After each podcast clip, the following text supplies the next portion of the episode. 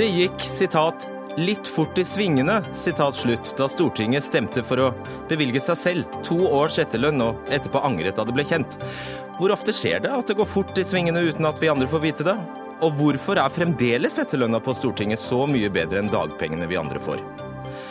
Det var to grader varmere i vikingtiden, sier Carl I. Hagen, som skal bekjempe klimahysteri hvis han kommer inn på Stortinget. Og han møter en av Norges fremste klimaforskere til debatt. Hvem var det Nobelinstituttet og Universitetet i Oslo inviterte for å dosere om fred forleden? Var det krigsforbryteren Henry Kissinger eller fredsprisvinneren Henry Kissinger?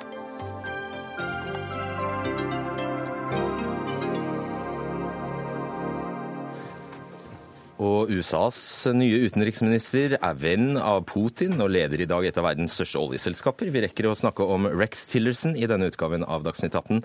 Fredrik Solvang ønsker velkommen. Om du blir arbeidsledig, kan det friste med en etterlønn på 600 000 kroner kanskje i to år. Akkurat det stemte flertallet av våre folkevalgte for at skulle gjelde dem. Arbeiderpartiet, Frp, Venstre, KrF og Senterpartiet stemte for å utvide ordningen med etterlønn fra ett til to år. Begrunnelsen var at det i noen tilfeller for politikere som ikke blir gjenvalgt til Stortinget, kan være ekstra vanskelig å få seg jobb. Men sterke reaksjoner kom, og i dag snudde alle sammen. Og vi skal forsøke å finne ut hva som gikk galt på veien. Men først Arve Kambe, leder i arbeids- og sosialkomiteen på Stortinget for Høyre. Det var altså tre partier som hele tiden stemte imot at ordningen skulle utvides. Høyre, SV og MDG. Eh, Dermed trengte ikke du og ditt parti å snu. Hvorfor ønsket ikke dere denne utvidelsen av ordningen? For oss i Høyre var dette noe som sa seg sjøl. Dette var en hån mot de arbeidsledige på Vestlandet. At Stortinget innbiller seg sjøl at en 59-årig stortingsrepresentant har det verre på arbeidsmarkedet etter om han blir ferdig med perioden, enn en 59-åring sveiser eller en 60-åring oppsagt medarbeider i en servicebedrift. Det er, jeg vil faktisk påstå det sånn, at en stortingsrepresentant har det enklere på arbeidsmarkedet, i tillegg at man har fett betalt, som du refererer i starten av. Det var egentlig på en måte gikk over alle støvleskaft. Hvor mye tjener dere? En stortingsrepresentant har ca. 900 000 i, i året. Eh, og i tillegg til det så er det altså sånn at eh, stortingsrepresentanter som Arbeiderpartiet ønsker, ønsker at de skulle få to års etterlønn i tillegg til tre måneders fratredelse. Og så altså, altså dobbelt så lenge som vanlig arbeidsledighet. For du... Høyre så ble det helt uaktuelt, og vi undrer oss over at, det, at ikke de andre partiene skjønte Når innså du dette her? Når oppdaget du det? Hva presidentskapet var i ferd med å ville vedta? Første gang det ble omtalt i gruppemøte i Høyres stortingsgruppe. Da tok jeg ordet med en gang og sa i alle dager vet vi, vi, vet veldig godt hva som skjer i Haugesund, i Stavanger, i Rogaland, mm, på Sørlandet. Ja, jeg er litt usikker om det var, enten var på første gruppemøte etter sommerferien eller en av de siste gruppemøtene før sommerferien. Det er i hvert fall flere måneder tilbake igjen. Og så på en måte bestemte Høyre seg rimelig klart at dette kan vi ikke gjøre av hensyn til de arbeidsledige. Vi skal bekjempe arbeidsledigheten. Torstein Tvedt Solberg, medlem i finanskomiteen for Arbeiderpartiet på mm. Stortinget. Velkommen hit. Ja, dere har snudd i dag. Eller har dere? Vi har snudd, og okay. jeg ser jo at en del Høyre-folk på Twitter prøver å spre litt usikkerhet, men der kan jeg være veldig tydelig. Det blir en uttidig snuoperasjon. en tydelig snuoperasjon. tydelig det blir ikke 24 måneders etterlønn. Alle partiene. Hvorfor var det da behov for det i går? Nei, Det er jo et lite arbeidsuhell, dette. Vi burde nok ha sett dette før. Men jeg syns det er veldig bra at Arbeiderpartiet nå ser at Når oppdaget dere det? Var, jeg syns det er veldig bra at når en ser at en har gjort en feil, at en da eh, rydder opp. Og så forstår jeg at Arve Kambe her i dag har lyst til å drive politisk spill.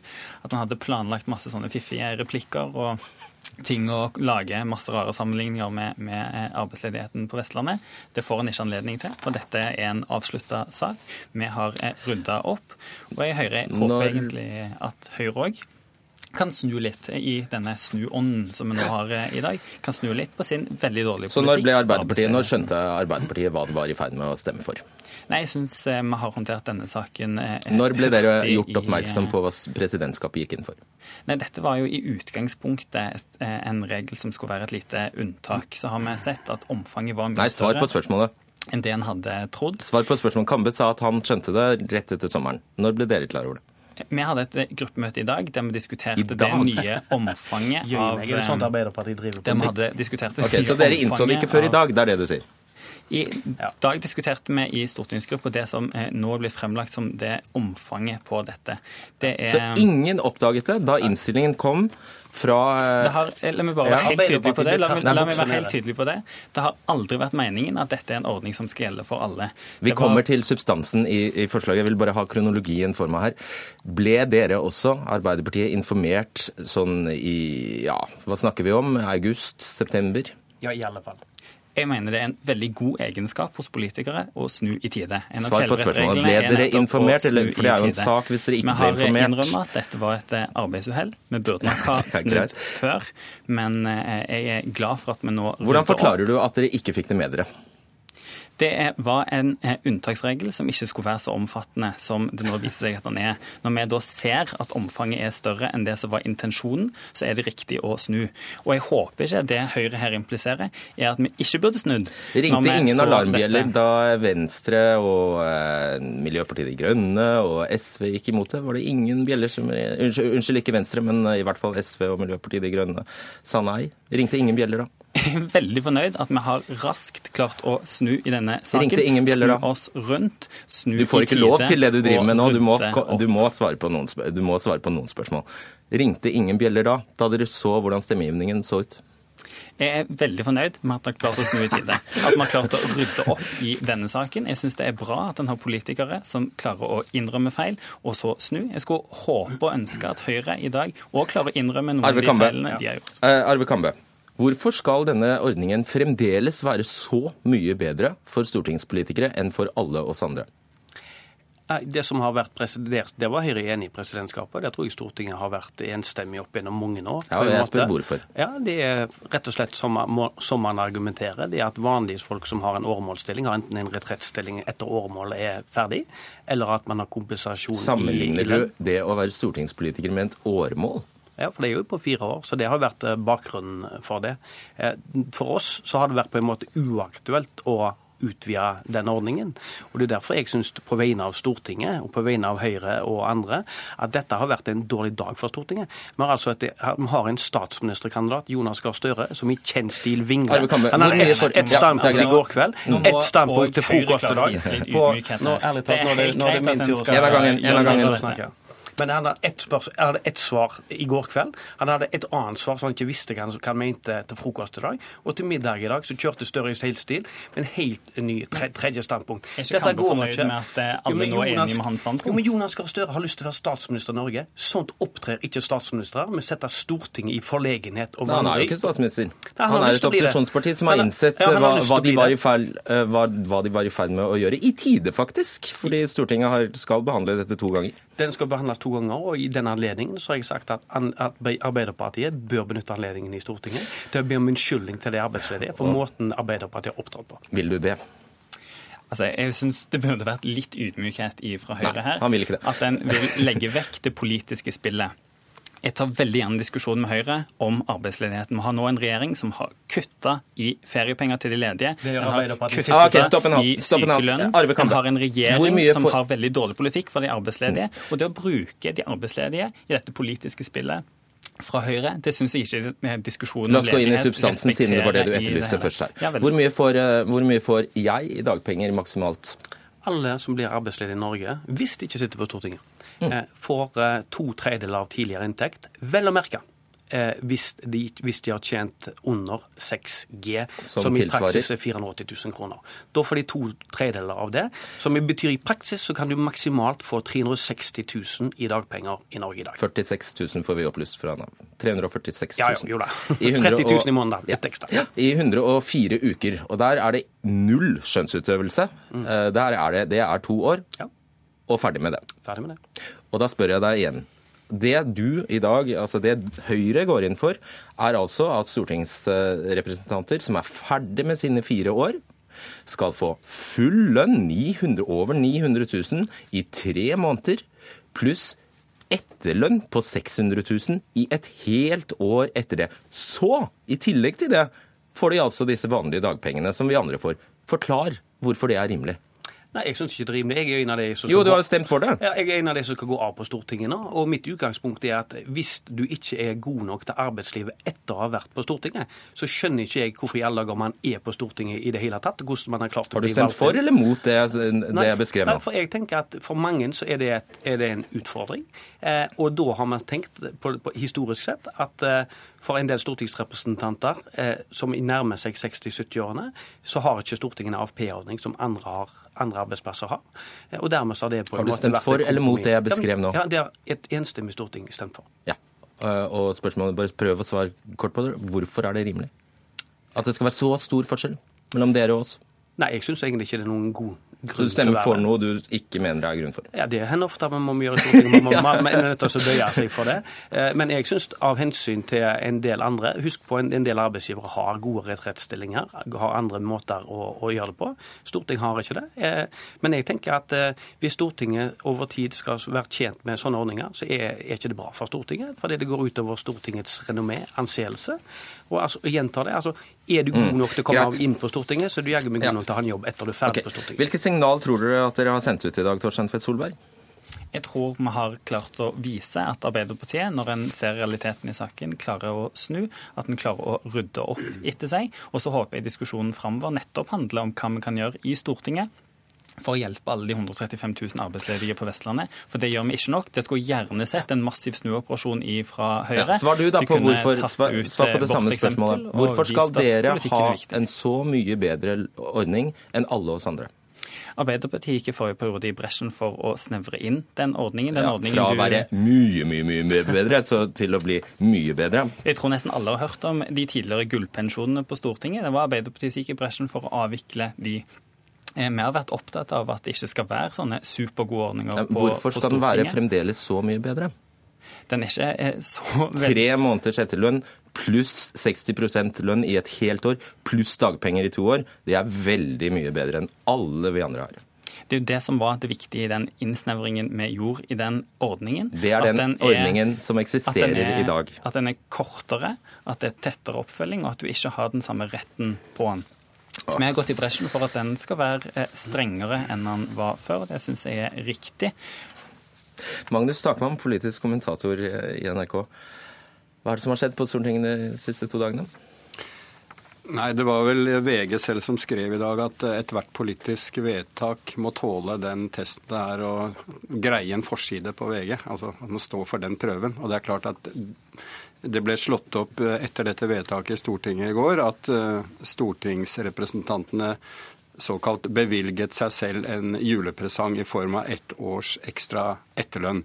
Eh, Det skapte så sterke reaksjoner, også internt i Arbeiderpartiet blant tillitsvalgte osv., som Støre selv sa tidligere i dag, at, eh, at de, de måtte snu. Og så er jo årsaken ellers at man helt åpenbart har eh, behandlet denne saken eh, overfladisk og ikke, ikke gått inn i realitetene i, i saken. Den har gått fullstendig under radaren, og man har sovet i timen.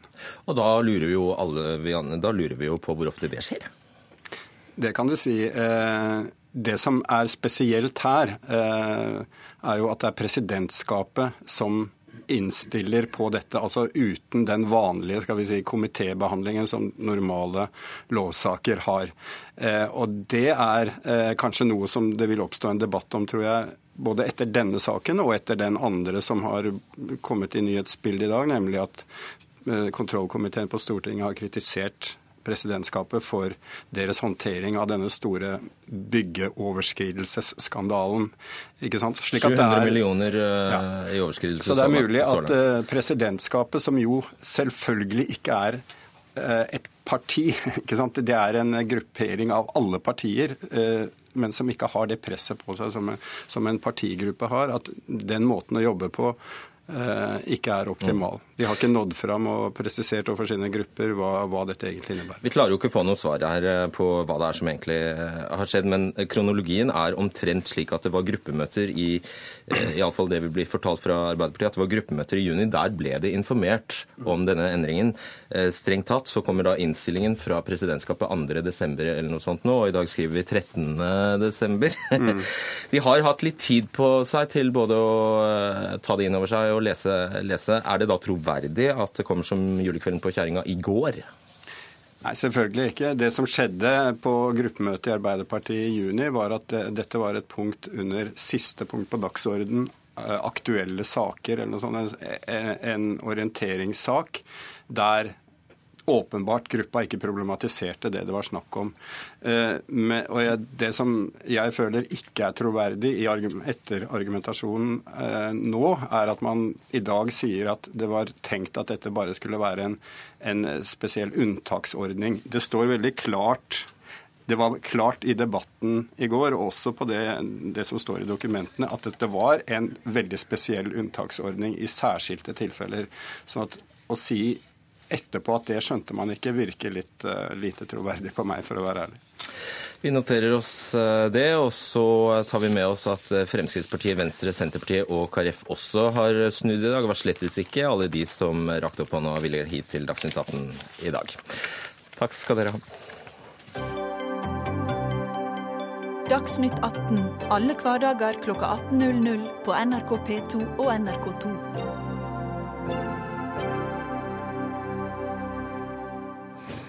I går kunne Dagens Næringsliv melde at Telenors mobilselskap i Bangladesh har sponset politiets spesialstyrker i landet, en av flere sponsoravtaler som er i strid med selskapets interne regler.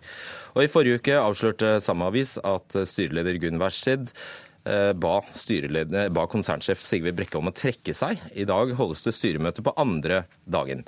Økonomireporter her i NRK Tore Tollersrud til stede på Telenors hovedkontor eh, på Fornebu. Hva har blitt diskutert i dag?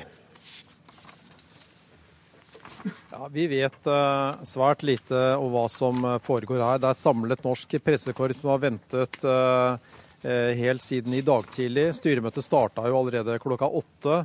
Eh, her ute på Fornebu. og Etter det så har eh, ingen verken hørt eller sett noe til Telenors styre.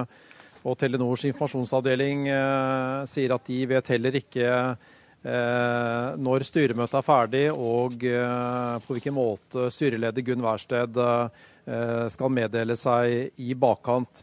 Eh, det vi derimot vet, er at det er en uforsonlig konflikt gående her mellom styreleder Wærsted og konsernsjef eh, Sigve eh, Brekke.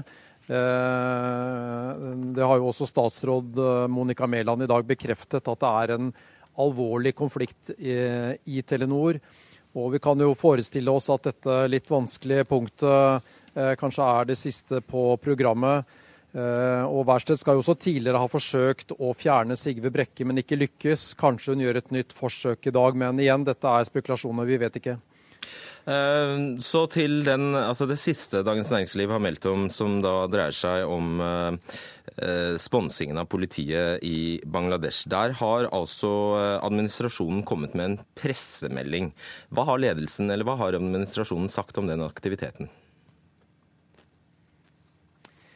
Nei, eh, De har jo eh, bekreftet at uh, Telenors egen internrevisjon har pekt på en serie med brudd på, på, Telenors egne interne regler i forbindelse med at et Telenor-selskap, Grameen Phone i Bangladesh, har bl.a. drevet med noe sponsing av politistyrker, spesialstyrker i Bangladesh.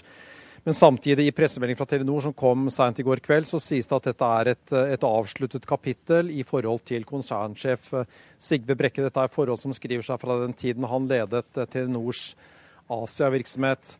Men det sies jo her at dette er et av flere punkter som Gunn Wærsted skal ha merket seg, og, og som er en av grunnene til at hun da skal ha mistet tilliten til konsernsjef Sigve Brekke. Det er også flere andre forhold, bl.a. som uh, skriver seg fra Telenors virksomhet i Thailand, som jo også Sigve Brekke ledet uh, i, i, i, en årrekke. Men som sagt, foreløpig så har ikke eh, Gunn Wærsted meldt tilbake. Men sånn situasjonen er, så vil jeg tro at hun har nødt til å gi en uttalelse etter at styremøtet er slutt. Det er nå veldig stor interesse for, for hvordan dette går. og Telenor er et stort og viktig selskap, og folk har krav på å vite hva som foregår der. Du får holde ut der ute på Fornebu, Tore Tollersrud. Takk skal du ha. Ola Storeng, økonomiredaktør i Aftenposten. La oss ta tak i eh, det Tore Tollersrud snakker om saken. Styret anser saken som avsluttet, heter det i denne pressemeldingen. Det kaller du sjargongpreget. Ja, det, det, gjør jeg jo. altså. Det er jo da administrasjonen i Telenor som har sendt ut denne pressemeldingen. Og det har forma noe som ligner på et sitat. Jeg er ikke helt sikker på om det kommer fra styreprotokollene likevel. For Eh, det, det, står at, eh, at, den anses som avsluttet. og det er formulert på, Jeg tror hovedpoenget er å si at, eh, at administrasjonen velger Nå lager vi ikke mer bråk om den saken? Nå lager vi ikke mer bråk om den saken. At det nærmest er ufint hvis styret eller andre tar den opp igjen på nytt. Men slik er det jo ikke. Og du skriver i det Altså, eh, må en av dem gå? Ja, minst tror jeg egentlig er svaret. Mm. Eh, altså, vi vet eh, egentlig, tror jeg, eller vi kan regne ut med nokså stor sikkerhet hva som er hovedtema på Fornebu. Eh, situasjonen er jo at uh, Gunn Wærsted er i en uholdbar situasjon. Hun er styreleder, står alene i et av de viktigste spørsmålene som styret skal ta stilling til, og er i tillegg i en bitter strid med konsernsjefen. Begge deler gjør at hun jo faktisk ikke kan fungere utgjøre jobben sin som styreleder. Og Telenor har nå egentlig ikke et fungerende styre, og det er faktisk en krise også for resten av styret. Eh, Vet vi at hun står alene? Her må vi være litt forsiktige. Det er jo slik at I denne saken så er jo den kommet ut i små drypp og gjennom anonyme lekkasjer. Og Det er jo interessant at uh, den første lekkasjen i Dagens Næringsliv den sa jo at uh, Gunn Wærsted uten noen støtte i styret hadde gått alene til Brekke. Og Noen dager etterpå så slo da Dagens Næringsliv, samme avis, oppover hele forsiden at hun hadde styret i ryggen. Det virker som det her har gått i to etapper. At hun først gikk på egen hånd og så deretter, etter å ha tatt saken opp i styret, fikk et mandat til å gå til eh, Brekke. Det er i hvert fall det inntrykket vi får. Snud, og, så, og det er jo nesten som en oppsigelse når, når, hun kommer til Brekke med et slikt budskap. Men så, pling, pling, så snudde da styret uh, tilsynelatende pga. Uh, etter at noen jurister hadde vurdert saken. Og da, når jurister kommer inn i bildet, så så blir det jo mest spørsmål om regelbrudd, og kanskje ikke så mye om etikk. Men det er helt riktig å ta forbehold når det gjelder saksfremstillingen her. Og da, eh, da, påpeker du to interessante ting. Det første er altså at i en slik situasjon er det merkelig at Wærsted ikke går i høst allerede. Ja. Og det andre er da altså at dette er eh, symptomatisk for den type selskap eh, Telenor er, skriver du. At det er et administrasjonsdrevet selskap. Hva mener du med det? Ja, øh, men kanskje skal jeg ta det, det aller første det først? Ja, jeg vil gjerne ja. gjøre det. fordi jeg gjør også et poeng at her er det ikke spørsmål om hvem som har rett eller feil. Det er bare at i det øyeblikket Gunn Wærsted var i den situasjonen, så kunne hun ikke lenger fungere i jobben. Uh, nå må jeg si at uh, jeg som vandrer ikke alltid husker hver setning jeg, jeg, jeg har sagt. Men, men, men ta, det var veldig smart. Ta, ja, ta, ta, les det for meg. Ja, det var veldig klokt. Du, du, du skriver at uh, Eh, norske selskaper hvor eh, staten er hovedeier, er med få unntak kommersielt vellykkede. og Årsaken er temmelig sikkert at administrasjon og styre har fått uvanlig store fullmakter. Ja, det, er, nå, det, er, faktisk fra en annen artikkel, men jeg syns sitatet var bra. Det er det. Ja. Nei, men Poenget her er, det er jo at uh, vi har jo laget en form for eierskapsstyring i, i, staten som skal ta vare på det dilemmaet at staten er en stor eier. Og da på en måte løsningen blir at staten skal holde seg i bakgrunnen. Og, eh, og, det gjør at eh, når du da ser på de store eierandelene som staten har, 54 eh, i Telenor, så har staten i en viss forstand forbløffende liten innflytelse, i hvert fall direkte. Og de må gå igjennom de styrende organer. Tung, tung prosess. Det er klart, her blir det stort spillerom for administrasjonen.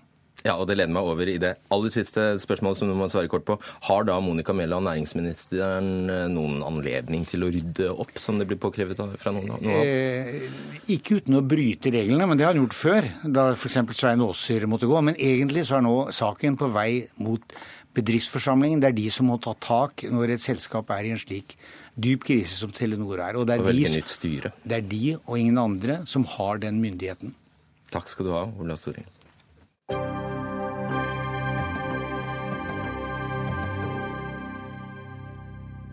Carl Ivar Hagen ble i går valgt inn på fjerdeplass på nominasjonslista til Oslo Fremskrittsparti, etter at eh, motkandidat Aina Stenersen trakk seg fra nominasjonsvalget. Kampsakene hans er innvandring, seniorrettigheter og å bekjempe klima, klimahysteriet. Carl I. Hagen, bystyremedlem i Oslo FRP for Oslo, i, i Oslo for Frp, sånn skal det være. Hvorfor er dette et hysteri? Jo, fordi det er ingen nevnverdig sammenheng mellom CO2-utslipp og temperaturene. Det er et rent bedrageri. Det er stadig flere vitenskapsfolk som viser dette. Og For en gangs skyld var det en gravende journalist fra Canada som gikk gjennom klimapanelets arbeidsmetoder og alt mulig rart, og skrev denne boken om den oppblåste tenåring. Det er altså klimapanelet. Som, eh, som er et bedrageri, og som eh, hun er kledd helt naken. Det er ikke vitenskapelig hold for påstandene om at mer CO2 fra mennesker vil øke temperaturen på jorden. Og Det er bare å gå tilbake noen tusen år. Det har vært mye varmere i tidligere tider, og det var ikke så mange som kjørte diesel rundt i vikingtiden, skal jeg si det, Fredrik. Jeg har en masse bøker, vitenskapelige tidsskrifter, som sier det motsatte. Svær konferanse i Phoenix 3. og 4. desember i år. Massevis av vitenskapsfolk som sier dette er lureri. Og så bruker vi milliarder av kroner og dollar på, som kunne vært brukt til å hjelpe de mennesker i, i verden som trenger hjelp. Og i tillegg det siste argumentet. For Norge og, og, og, kjempe for å redusere bruk av olje og gass som vi lever av å selge. Vi burde være det siste landet som gikk på dette jukseriet. Vi burde sørge for å få økt etterspørsel etter olje og gass, og prisen gikk opp, og vi berget oljejobbene våre istedenfor å bekjempe de. Den øvelsen vi skal prøve oss på nå, eh, er altså at vi tar for oss fire du har for så vidt nevnt et par av dem, fire hovedpåstander fra deg om eh, klima så har vi med oss Bjørn Halvard Samset, klimaforsker ved Cicero senter for klimaforskning, eh, som eventuelt får gå i rette, får gå i rette med, med påstandene. Det var varmt i vikingtiden også, har du sagt. Da kjørte man ikke dieselbil. Det stemmer jo det, sånn sett? Det var noen steder hvor det var varmt i, eh, i vikingtiden, men ikke varmere enn i dag. Altså, dette er et av de eksemplene hvor man eh, gjerne har lyst til å si at eh, så klart vi alle har rett til å ha vår mening om hvordan vi skal håndtere klimautfordringene, men vi har ikke rett til våre egne fakta. Det er ingen forskning noe sted som sier at det var varmere i vikingtiden, verken i Europa eller noe annet sted enn det er i dag. Det var en varmeperiode i Europa rundt for rundt 1000 år siden. Det er helt sant. For en del år tilbake så var det stort sett de måledataene vi hadde. og Da dukket det opp denne eh, begrepet med middelalderske varmeperioden. Det var veldig navlebeskuende og europasentrert, for det er her vi bor og det er her vi har målinger. Siste 10-15 årene har det kommet mye målinger fra hele verden. Vi vet nå godt hvordan temperaturen har vært bakover både 1000 og 2000 og 3000 år og lenger over hele verden. Ja, det var varmere i Europa. Det var ikke varmere enn det er i verden som helhet i dag. Og verden som helhet var heller ikke varmere. Det var ikke en varmeperiode. Hagen. Dette har jo variert fra sted til sted og med år og forskjellig. Har, naturen har sørget for at klimaet har variert, og naturen sammen med solen og annet fortsetter å sørge for at klimaet vil variere. Det som også er det interessante, det er jo at hvis man går inn og ser på klimapanelets tall for CO2 i atmosfæren og, Vi kommer til det. Vi kommer til, ja. og temperatur, så er det det motsatte av det klimapanelet hevder, som er det sannheten. Vi kommer til eh, klimagassen eh, CO2 eh, han, han, sier jo da at Samset, at det har aldri vært globalt varmere enn i dag. Ja, han sier det. Han sier det. Ja, ikke, ikke, aldri, men i de siste si 10 000 år. Og Der er vi inne på kjernepunktet. Hvordan det har vært før, for millioner av år siden eller 100 000 år siden, det er for så vidt interessant nok i seg sjøl. Men det er nå vi lever her. Og kjernepunktet er det har blitt én grad varmere de siste 100 år. Det må ha en grunn. Altså Klima er ikke magi. Det må ha en grunn, og det er det klimaforskningen Naturlige driver med. Variasjoner som Naturlige variasjoner, og solen og solintensiteten. Og det er altså massevis av vitenskapsfolk som sier det samme som meg. Jeg baserer meg jo på andre vitenskapsfolk. Men Hagen, det er massevis av vitenskapsfolk som har målt i dag. Det er jo den herlige situasjonen vi er i. Vi har målt klima fra toppen av atmosfæren og ned til bunnen av havene. Vi måler dramatiske endringer i temperatur, det er noe så. Vi måler dramatiske endringer i nedbør, vi måler dramatiske endringer i havnivåstigning, i ekstremer osv. Og det må ha en grunn. Og så, én En grunn, eller flere. Nei, nei, så klart. Altså, en grunn som skulle endre hele klimaet? De må ha en rekke grunner. Og det fine vi kan gjøre nå, er at vi faktisk har forstått hele klimasystemet i veldig stor grad. Både de naturlige variasjonene og de menneskeskapte. Jeg tok ikke med min litteratur i dag. Litt i fare for å velte bordet i studio. Du kommer med noen, med noen skriv. De er, de er, fine nok. Vi kan gjerne diskutere dem. FNs klimapanel, som vi kommer inn på etterpå, baserer seg på så mange hyllemeter med forskningsartikler At, ja. Ok, Vi er inne på egentlig, vi tok den, vi den eh, bare la oss gjøre, gjøre oss ferdig med den. For dette var egentlig en av hovedpåstandene. Mm. nemlig at flere og flere vitenskapsmenn er enige med Carl I. Hagen. Er det sant? Er det usant? Det er ikke sant. Rett og slett. Det er bare så enkelt som det. Kan det ikke være sant, faktisk? At, Jeg har ikke møtt noen av de eh, forskerne. Jeg har ikke sett noen større undersøkelser som, eh, som viser det. Og jeg er tross alt rundt, altså jeg, jeg er klimaforsker selv, men jeg reiser meg rundt på konferanser stort sett hele tiden og møter disse forskerne. Du Kilden møter de forskerne Ja. som er enige med deg, og som lever av det offentlige, og som lever av dette fordi de underbygger disse påstandene fra klimapanelet.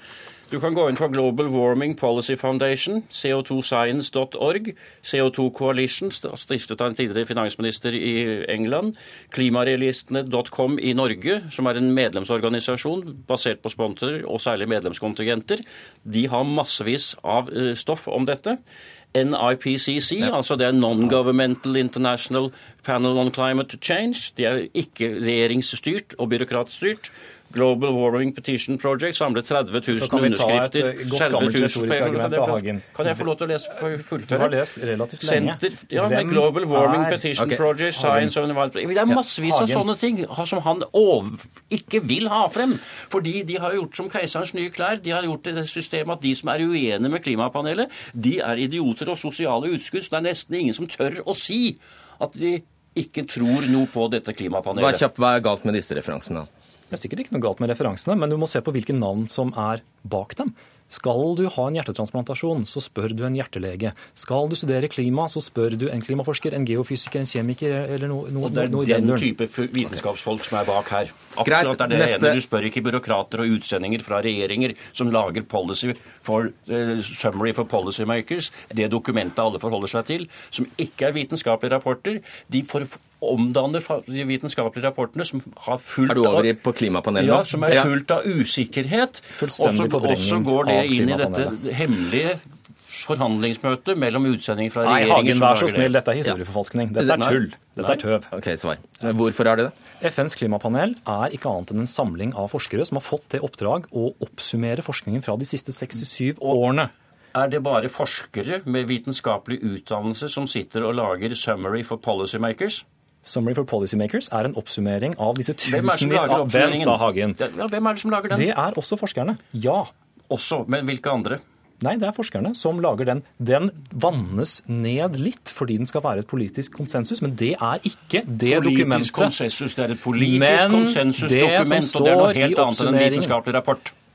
Men det som står i oppsummeringen, er det samme som står i selve artikkelen. Nei, det er det ikke, for du sa nettopp at det var hyllemeter med vitenskapelige artikler som sammensettes ned til et summary for policymakers, og det er et politisk konsensus, ikke, vitenskapelig konsensus. Han sa det var ikke vitenskapelig konsensus, men politisk Det konsensus er som lager det dokumentet. Hagen, du vrir alt jeg sier. Det er ikke Du, du sa det. Det er et vitenskapelig konsensus.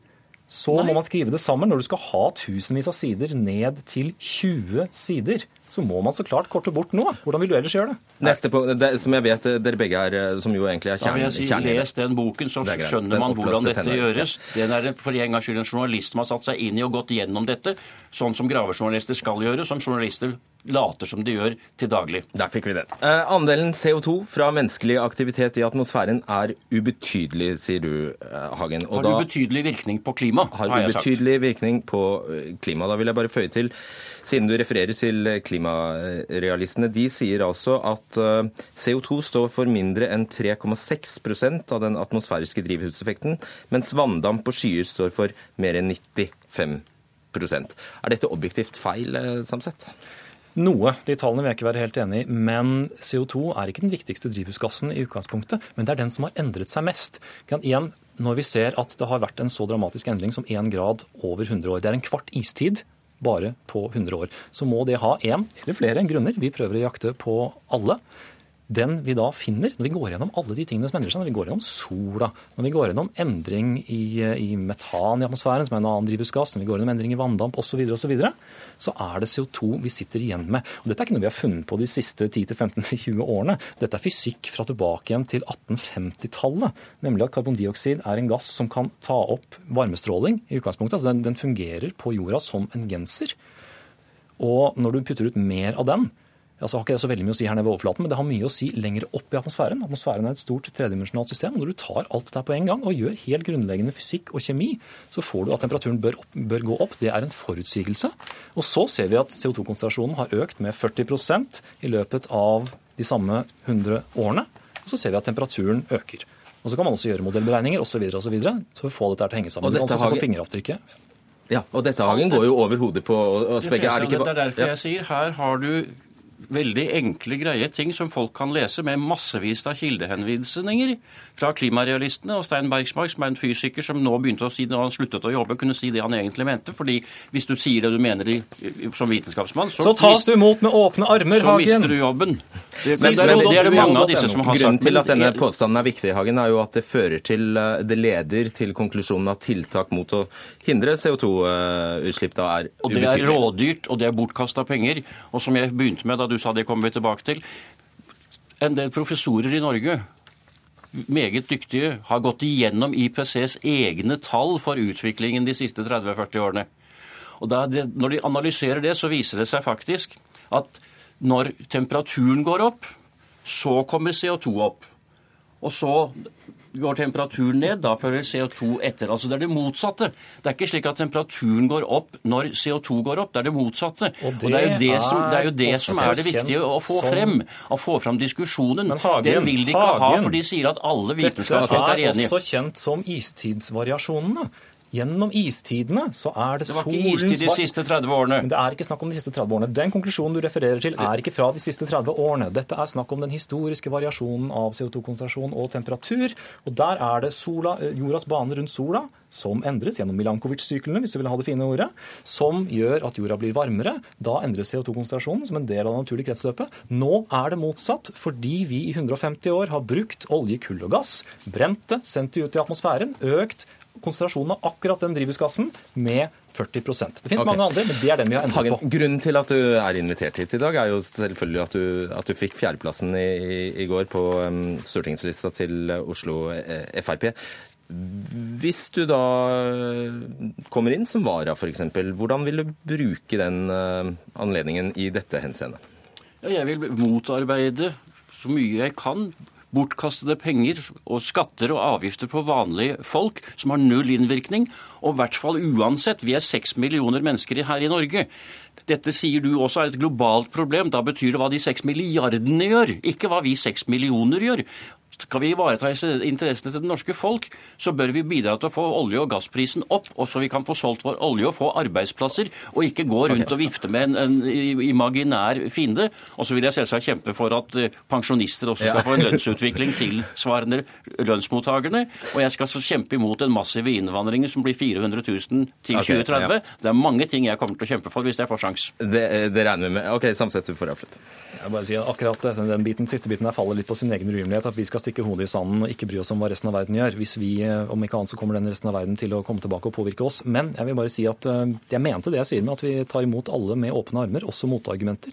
Dagsnytt 18 kom oss litt i forkjøpet her, men vi vil veldig gjerne invitere deg opp til Cicero og prate mer med deg under roligere forhold. Den mailen rakk vi bare ikke å sende før jeg møtte deg i dag. Den tar jeg gjerne imot. og Er dere interessert i å lytte til eh, Stein Bergsmark og hans foredrag, hvor han går gjennom punkt for punkt hvorfor dere tar feil, og hvorfor dette ikke har noen innvirkning på klimaet i det hele tatt, og at vi ikke skal sløse bort disse midlene til alle dine lyttere, Fredrik? Ta kontakt med klimarealistene.com. Okay, ingen reklame her. Ja. Takk skal dere ha, Carl I. Hagen og Bjørn Halvard Samset.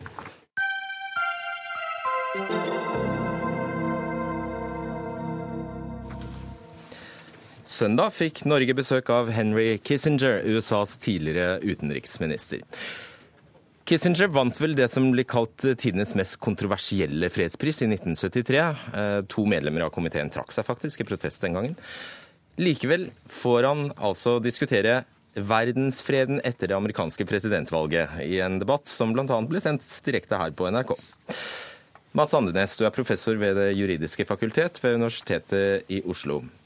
Du sier altså at uh, dette Det var krigsforbryteren Henry Kissinger som ble invitert til Oslo, og det er ikke bra.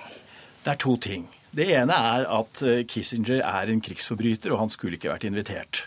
Men det andre er at selve arrangementet når man først hadde ham der, så skulle han vært utsatt for kritiske spørsmål. Og rektor, eh, vår rektor ved universitetet, eh, Ole Petter Ottersen, han har nå gjort det helt klart at han hadde en forventning om at Kissinger skulle få kritiske spørsmål, og at det skulle være en kritisk diskusjon, som han sier. Hvordan var det lagt opp for, for alle som ikke fikk med seg denne sikkert eh, kjempespennende direktesendingen? Den var altså virkelig kjedelig. Jeg fulgte med den hele eh, på, eh, mens den pågikk. da, for den var, Jeg hadde den på podkast. Som du sier, den var også på NRK.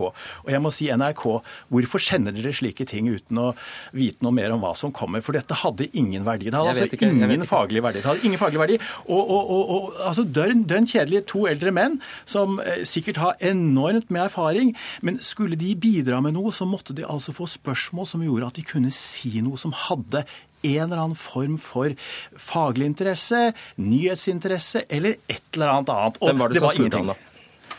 Det er min sidemann. Ah. Og, og, han er jo en flink samtidshistoriker, så helt hvorfor han gjorde den jobben eh, slik han gjorde den, eh, har jeg ikke, har jeg ikke forstått. Uh, og bare kort til dette med krigsforbryter, krigsforbryter og, og det stempelet. Han er aldri dømt.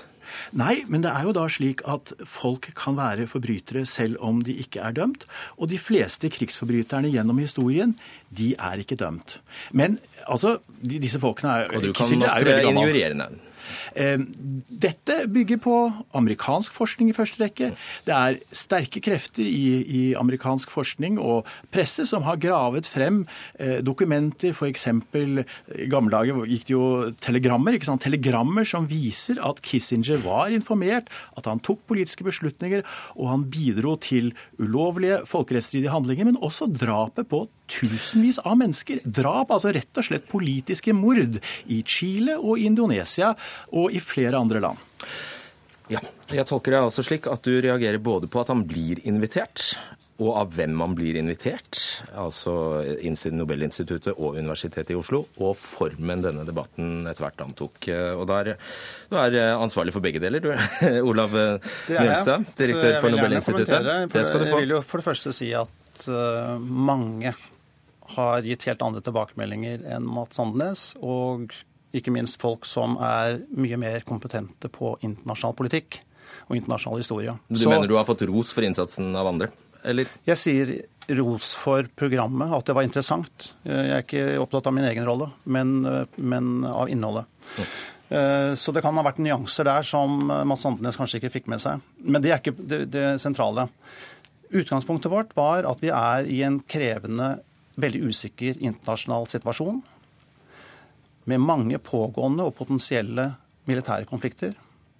Og på toppen av dette så får vi nå en ny administrasjon i USA som faktisk ingen vet hva slags politikk den har til hensikt å føre. Og det er veldig mye som tyder på at den har en veldig uklar strategisk eh, syn på verden. Uh, og da syntes vi at det kunne være interessant å få to av de mest erfarne amerikanske policymakers, og ikke minst to meget anerkjente eh, akademiske eksperter på internasjonal politikk og amerikansk utenrikspolitikk, til å belyse de utfordringer den nye administrasjonen vil stå for. Eh, så vi inviterte dem for å snakke om nåtid og framtid, ikke fortid. Så det var aldri i dine tanker å konfrontere Kissinger med, med hans rolle i militærkuppet i, i Chile f.eks.? Og grunnen til det er enkel. Vi må kunne diskutere fortid for seg og fremtid og nåtid for seg. Hvis du vil ha en akademisk redelig debatt, så inviterer du ikke noen til å snakke om framtiden og konfronterer dem i en sånn tribunalstil om hva de må ha gjort eller ikke gjort og vært medansvarlig for for 40 år siden. Han ville vel kanskje neppe kommet? Ja, det, det vil jeg ganske sikkert regne med at han ikke ville gjort, for det ville vært en helt annen type debatt. Og Hadde du foretrukket det, Annes, er det, er, det riktig å tolke deg slik? Hvem, hvem skal kunne komme? Da er det jo interessant, ut fra det som akkurat nå er sagt, at eh, det virker jo da sånn som Kissinger har fått et løfte på forhånd da, om at han ikke skal bli stilt noen vanskelige spørsmål. Og, og, og, da er det bare for meg å gå tilbake til eh, vår rektor på Universitetet i Oslo, det er Ole Petter Ottersen, som sier, da når han uttaler seg om dette i eftertid, så sier han at eh, vi må ta med oss inn i planleggingen av neste års arrangement at vi får et samarbeid med Nobelinstituttet som er basert på hevdvunne akademiske prinsipper. Det er noe alle vil være tjent med. Og eh, når det gjelder dette med Og det er kode for? Det innebærer at vi kan ikke stole på Nobelinstituttet. Nå må vi se programmet, vi må ha klar avtale. Dette var jo gjort på, på tillit. Dette var gjort på tillit. Kan jeg få legge til en ja, det, er, det, er, bedre kanskje å ta det Eller senere. Eller kanskje hvis vi tar det sparket på leggen, ja. som det antagelig eh, var fra Ottersen? Eh, altså, Det har jo aldri vært tale om at vi skulle snakke om fortiden. Eh, temaet har hele tiden vært definert United States and World Peace after the presidential election. Vi har hatt mange arrangementer på Nobelinstituttet opp gjennom årene om fortiden. Ser du ikke at det kan innebære en hvitvasking, en renvasking av Henry Kissinger? Jeg ser ikke det som det. fordi vi er villige til å ta alle debatter om fortiden. Vi har hatt som sagt, eh, mange forskningsprogrammer, mange symposier, mange seminarer, foredrag om fortiden. Jeg syns det er en glimrende idé. Jeg skal gjerne være med å arrangere seminarer og eh, symposier om USAs rolle i Vietnamkrigen eller andre ting, men det er en debatt for seg. Vi må ikke sause de tingene sammen. Dette med krigsforbrytelsesanklager er så alvorlig tematikk.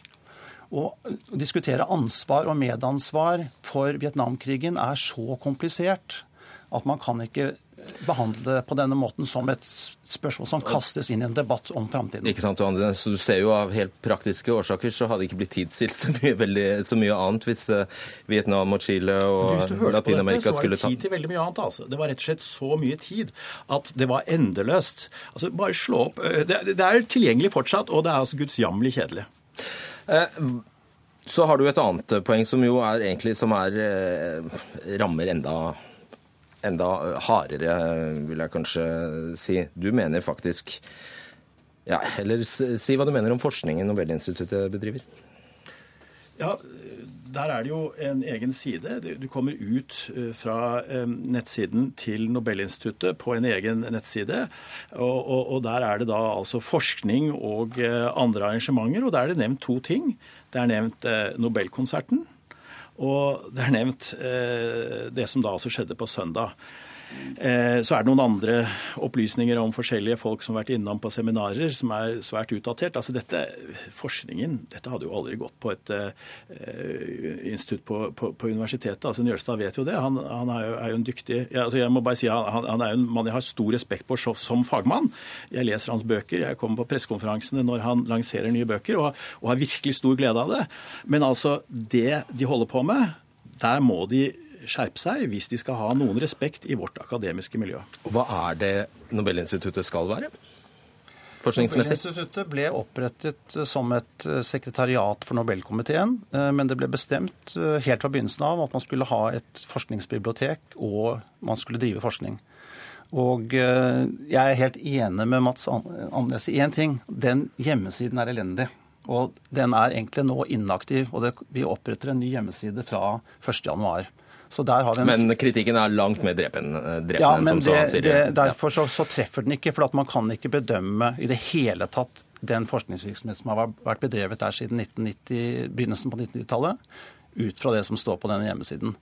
Eh, vi har hatt et veldig vellykket internasjonalt gjesteforskerprogram gjennom, ja, siden fra begynnelsen av 1990-tallet med et sted mellom 100 og 150 eh, topp akademikere fra nærmere 30 land eh, som har vært hos oss eh, deler av året og bidratt på seminarer og ikke minst hatt muligheter der til å sitte og arbeide med vårt eh, kildemateriale og vårt fantastiske forskningsbibliotek. Så det er ikke vanskelig å liste opp veldig mye god forskning som har vært drevet der. Men det er klart, når vi selv har et et budsjett på noen få millioner i året, så blir det ikke mulig å konkurrere volummessig med den forskningen som drives på landets største universitet. Og hva er det de skulle ha gjort annerledes? De skulle hatt mye kritisk forskning rundt det som er mandatet for Nobelinstituttet, som jo da er fred. Eh, og ikke bare invitere eh, forskjellige folk til å være noen måneder, sitte på instituttet eh, og gjøre det på en måte som da altså ikke er gjenspeilt på noen måte som gir tillit i årsmeldinger, andre tekster. Jeg har jo ikke bare sett på nettsiden, jeg har sett på, på det som er tilgjengelig av materiale ellers. Jeg må bare si til Njølstad at jeg tror en av grunnene til at du kom inn dit, var jo nettopp at man skulle få hevet nivået, fordi det var rett og slett under den tidligere direktøren temmelig elendig, men nå haster det. altså Nå må det skje noe. Han er altså ikke til stede for å forsvare seg, men du mener altså at han ikke har oppnådd det, da? Nølstad. Eh, altså, Nølstad er jo rimelig eh, tidlig i sin direktørperiode, så han kan jo innhente seg eh, og ta igjen dette her veldig bra, helt sikkert. Men, men må han må konsentrere seg om dette nå og få dette opp på et annet nivå enn det vi har sett. Og denne debatten, det var virkelig ingen god begynnelse på noe som helst. Da skulle jeg ønske at Andenes hadde hatt mulighet til å være til stede på et veldig flott konferanse vi hadde i eh, sommer, hvor vi hadde en stor, eh, stort innslag av eh, blant verdens fremste forskere på sine respektive felt, som så på eh, grunnproblematikken i fredsforskningen. Hva er eh, forutsetningene for fred? Og det er direkte knyttet opp mot Alfred Nobels testamente, for å se hvordan står de kriteriene han var opptatt av, de forutsetningene han var opptatt av, i forhold til dagens forskning. Takk for ordskiftet, mine herrer. Hør Dagsnytt 18 når du vil. Radio NRK Radio.nrk.no.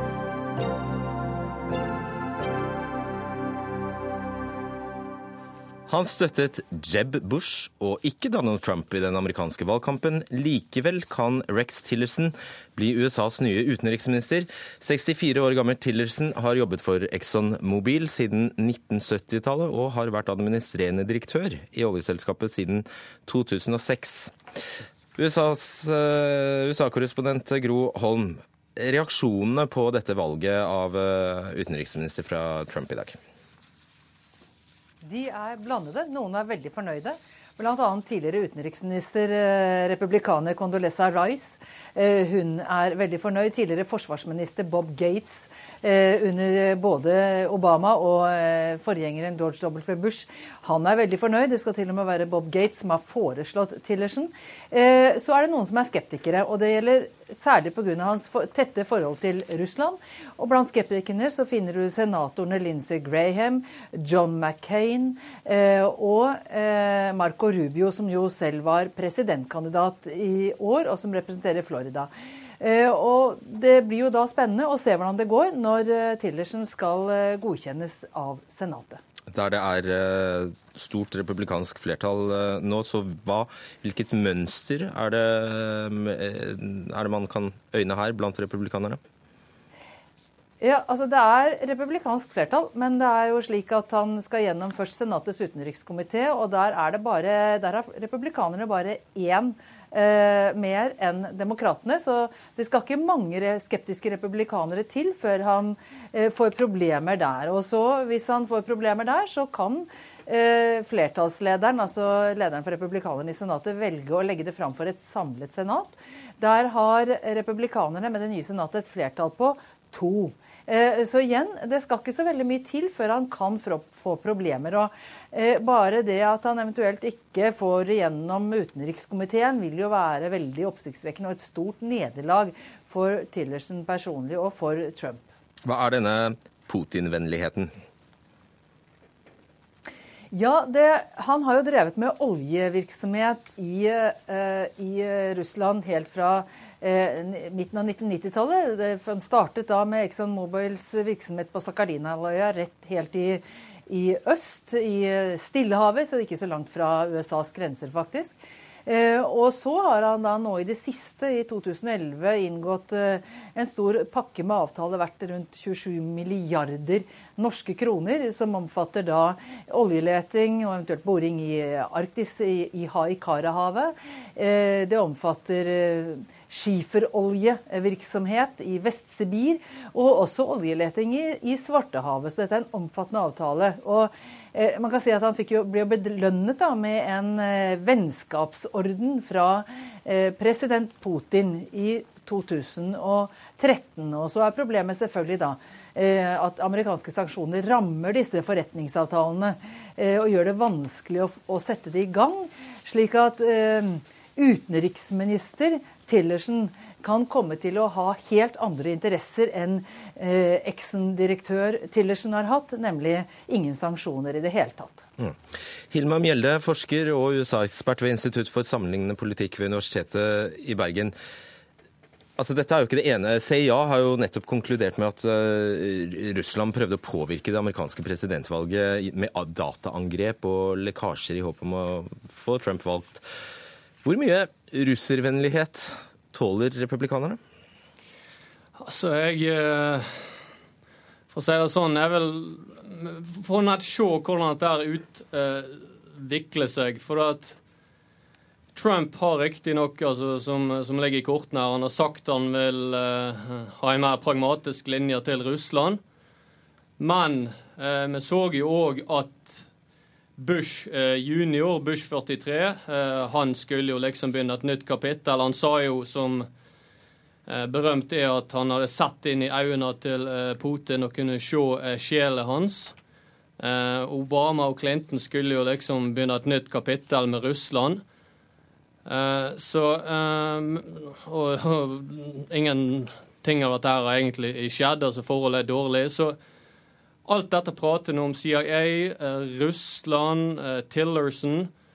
Eh, jeg tror vi skal vente litt og heller se hva som faktisk blir Trumps politikk. Vi må ikke overvurdere liksom de her siste dagers hendelser.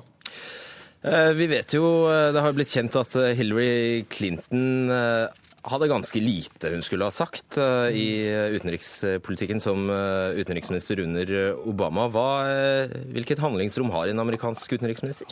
Det, det, det, aller viktigste poenget her å få fram, det er at det er ikke så veldig viktig rett og slett hvem disse statsrådene blir. For i henhold til Grunnloven så er det bare én person som tar beslutningene innen den utøvende grein, og det er presidenten sjøl. Og så har eh, han selvfølgelig et stort eh, kobbel med eh, rådgivere med seg. Og i utenrikspolitikken så er det det nasjonale sikkerhetsrådet som er den viktigste institusjonen. Der inngår utenriksministeren, men der inngår òg forsvarsministeren, visepresidenten, militæretablissementet, etterretningsmiljøet. Så i den grad utenriksministeren uh, har en innflytelse, altså han har selvfølgelig en viss innflytelse, men det er veldig mange andre som òg har ei hånd på rattet i utenrikspolitikken. Nå avtegner det seg jo kanskje et mønster at uh, Trump utnevner ikke-politikere, altså uh, personer som overhodet ikke har noe, noe, som helst erfaring fra politikken. Tillerson er altså businessmann. Mm. Er det, hvordan skal vi tolke det? Trump er altså opptatt av folk som han mener Altså som har liksom litt dritt på hendene, for å si det på den måten. Han vil ha folk som har vært ute i verden eh, og oppnådd ting, da, sånn som han ser det. Så Derfor eh, har han henta inn en del næringslivsfolk som har gjort det bra der, i henhold til Trumps kriterier. Så har han henta inn en del eh, generaler som han eh, ser på som veldig dyktige eh, eh, ledere. Mm. Så uh, Trump er ikke interessert i noen teoretikere. Han vil ha folk som har, deler hans pragmatiske holdning og kan hjelpe han til å få konkrete, pragmat, eller, ja, konkrete mm. resultater. Grohan, det ble altså, i ettermiddag også klart at Trump vil ha tidligere Texas-guvernør Rick Perry som energiminister. Hva vet vi om han? Ja, eh, Det han ble veldig kjent for, var jo da han eh, stilte som presidentkandidat i 2012. Han stilte jo også i år, men trakk seg raskt. I 2012 så skulle han ramse opp hvilke departementer han skulle, ville legge ned. og Da var Energidepartementet det han glemte. Han kom ikke på det, men det var altså et departement som han ønsket å legge ned, og nå skal han styre det samme departementet. Eh, vi kan regne med at det blir en dreining vekk fra satsing på alternativ energi eh, grønn energi, og i retning av mer eh, vekt på fossilt brensel igjen. Det har Trump lovet, at han skal fjerne reguleringer. Han skal eh, stimulere kullindustrien igjen, sørge for at disse klimakuttene eh, som Mm. Obama foreslo, ikke blir noe av. Så, så det er jo det vi kan vente oss fra Perry. Takk skal dere ha, Gro Holm og Hilmar Mjelde. Dagsnytt 18 er over for i dag. Ida Tune Øresland, Frode Thorshaug og Fredrik Solvang takker for seg.